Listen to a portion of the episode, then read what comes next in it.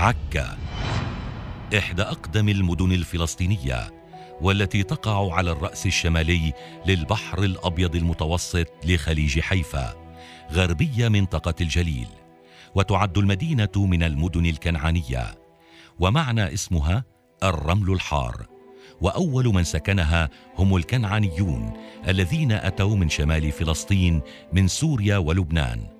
وذكرت بعض المصادر أنهم هم من أسسوا المدينة. أطلق عليها الإغريق اسم بيتوليمايس نسبة لبطليموس العالم المشهور ثم تغير اسمها إلى سامريتيكا في العهد البيزنطي تحت الحكم الصليبي سميت بسانت جون داكر وبقي هذا الحال حتى استرجعها المماليك وأعادوا إليها اسمها الأصلي عكا. فذكرت المدينة في كتابات تحتمس الثالث وقال إن المدينة كانت مركزا كنعانيا مزدهرا كما أنها ذكرت في التوراة.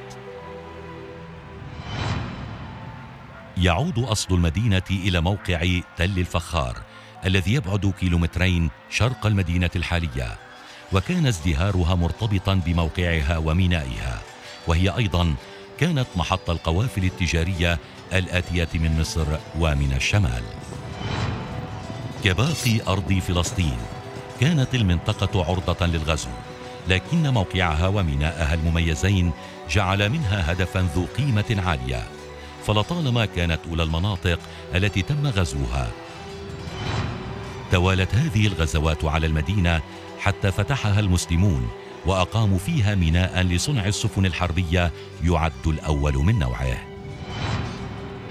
ولعل سور عكا يعد من أشهر معالمها. كيف لا؟ وقد استطاع هذا السور صد الغزاة الفرنسيين بقيادة نابليون.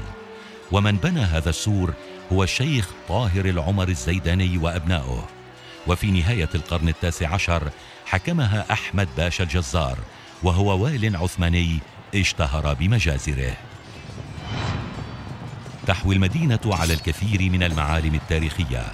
من أهمها حدائق البهجة والتي بناها بهاء الله مؤسس الديانة البهائية.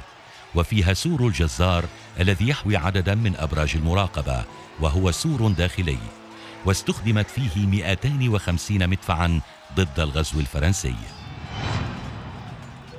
وبالطبع مقام النبي صالح عليه السلام ويقع في المقبرة الإسلامية جنوب عكا.